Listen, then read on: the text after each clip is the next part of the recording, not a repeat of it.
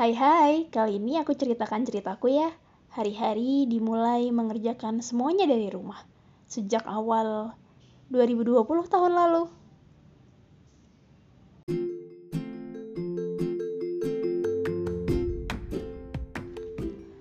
Di rumah aja sejak tahun 2020 jadi cerita menarik untuk aku.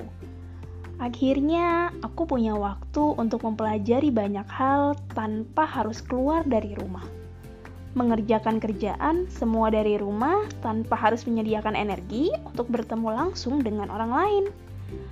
Awal pandemi tahun lalu, banyak orang yang harus beradaptasi dengan cara-cara baru.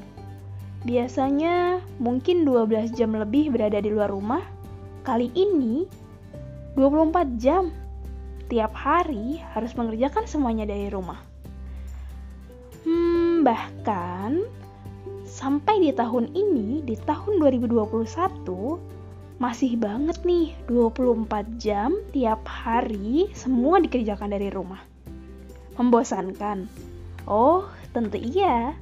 Tapi banyak cara yang bisa aku lakukan selama aku mengerjakan hal-hal dari rumah ada banyak tren yang berkembang selama pandemi tahun 2020 hingga 2021. Dari menanam tumbuhan baru di halaman rumah, melatih kemampuan memasak, jiwa ingin tahu dan buka media sosial makin tinggi, makin kreatif untuk kalangan tertentu untuk membuat konten di media sosialnya, dan banyak hal positif lainnya. Tapi ini ceritaku.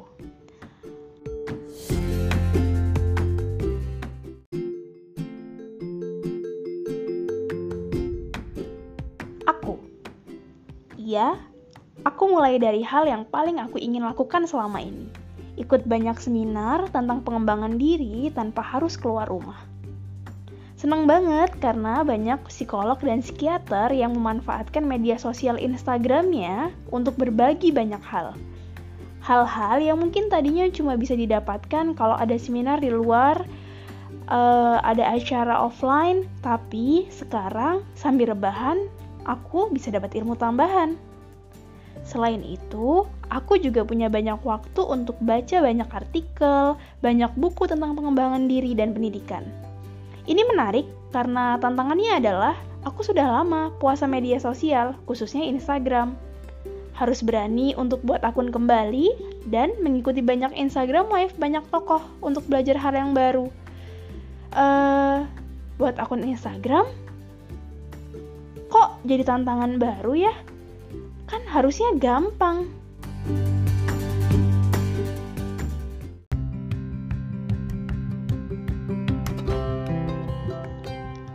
Kenapa? Kenapa jadi tidak mudah bagi aku untuk menggunakan media sosial kembali? Hmm, nantikan cerita selanjutnya ya. Terima kasih sudah mendengarkan ceritaku hari ini.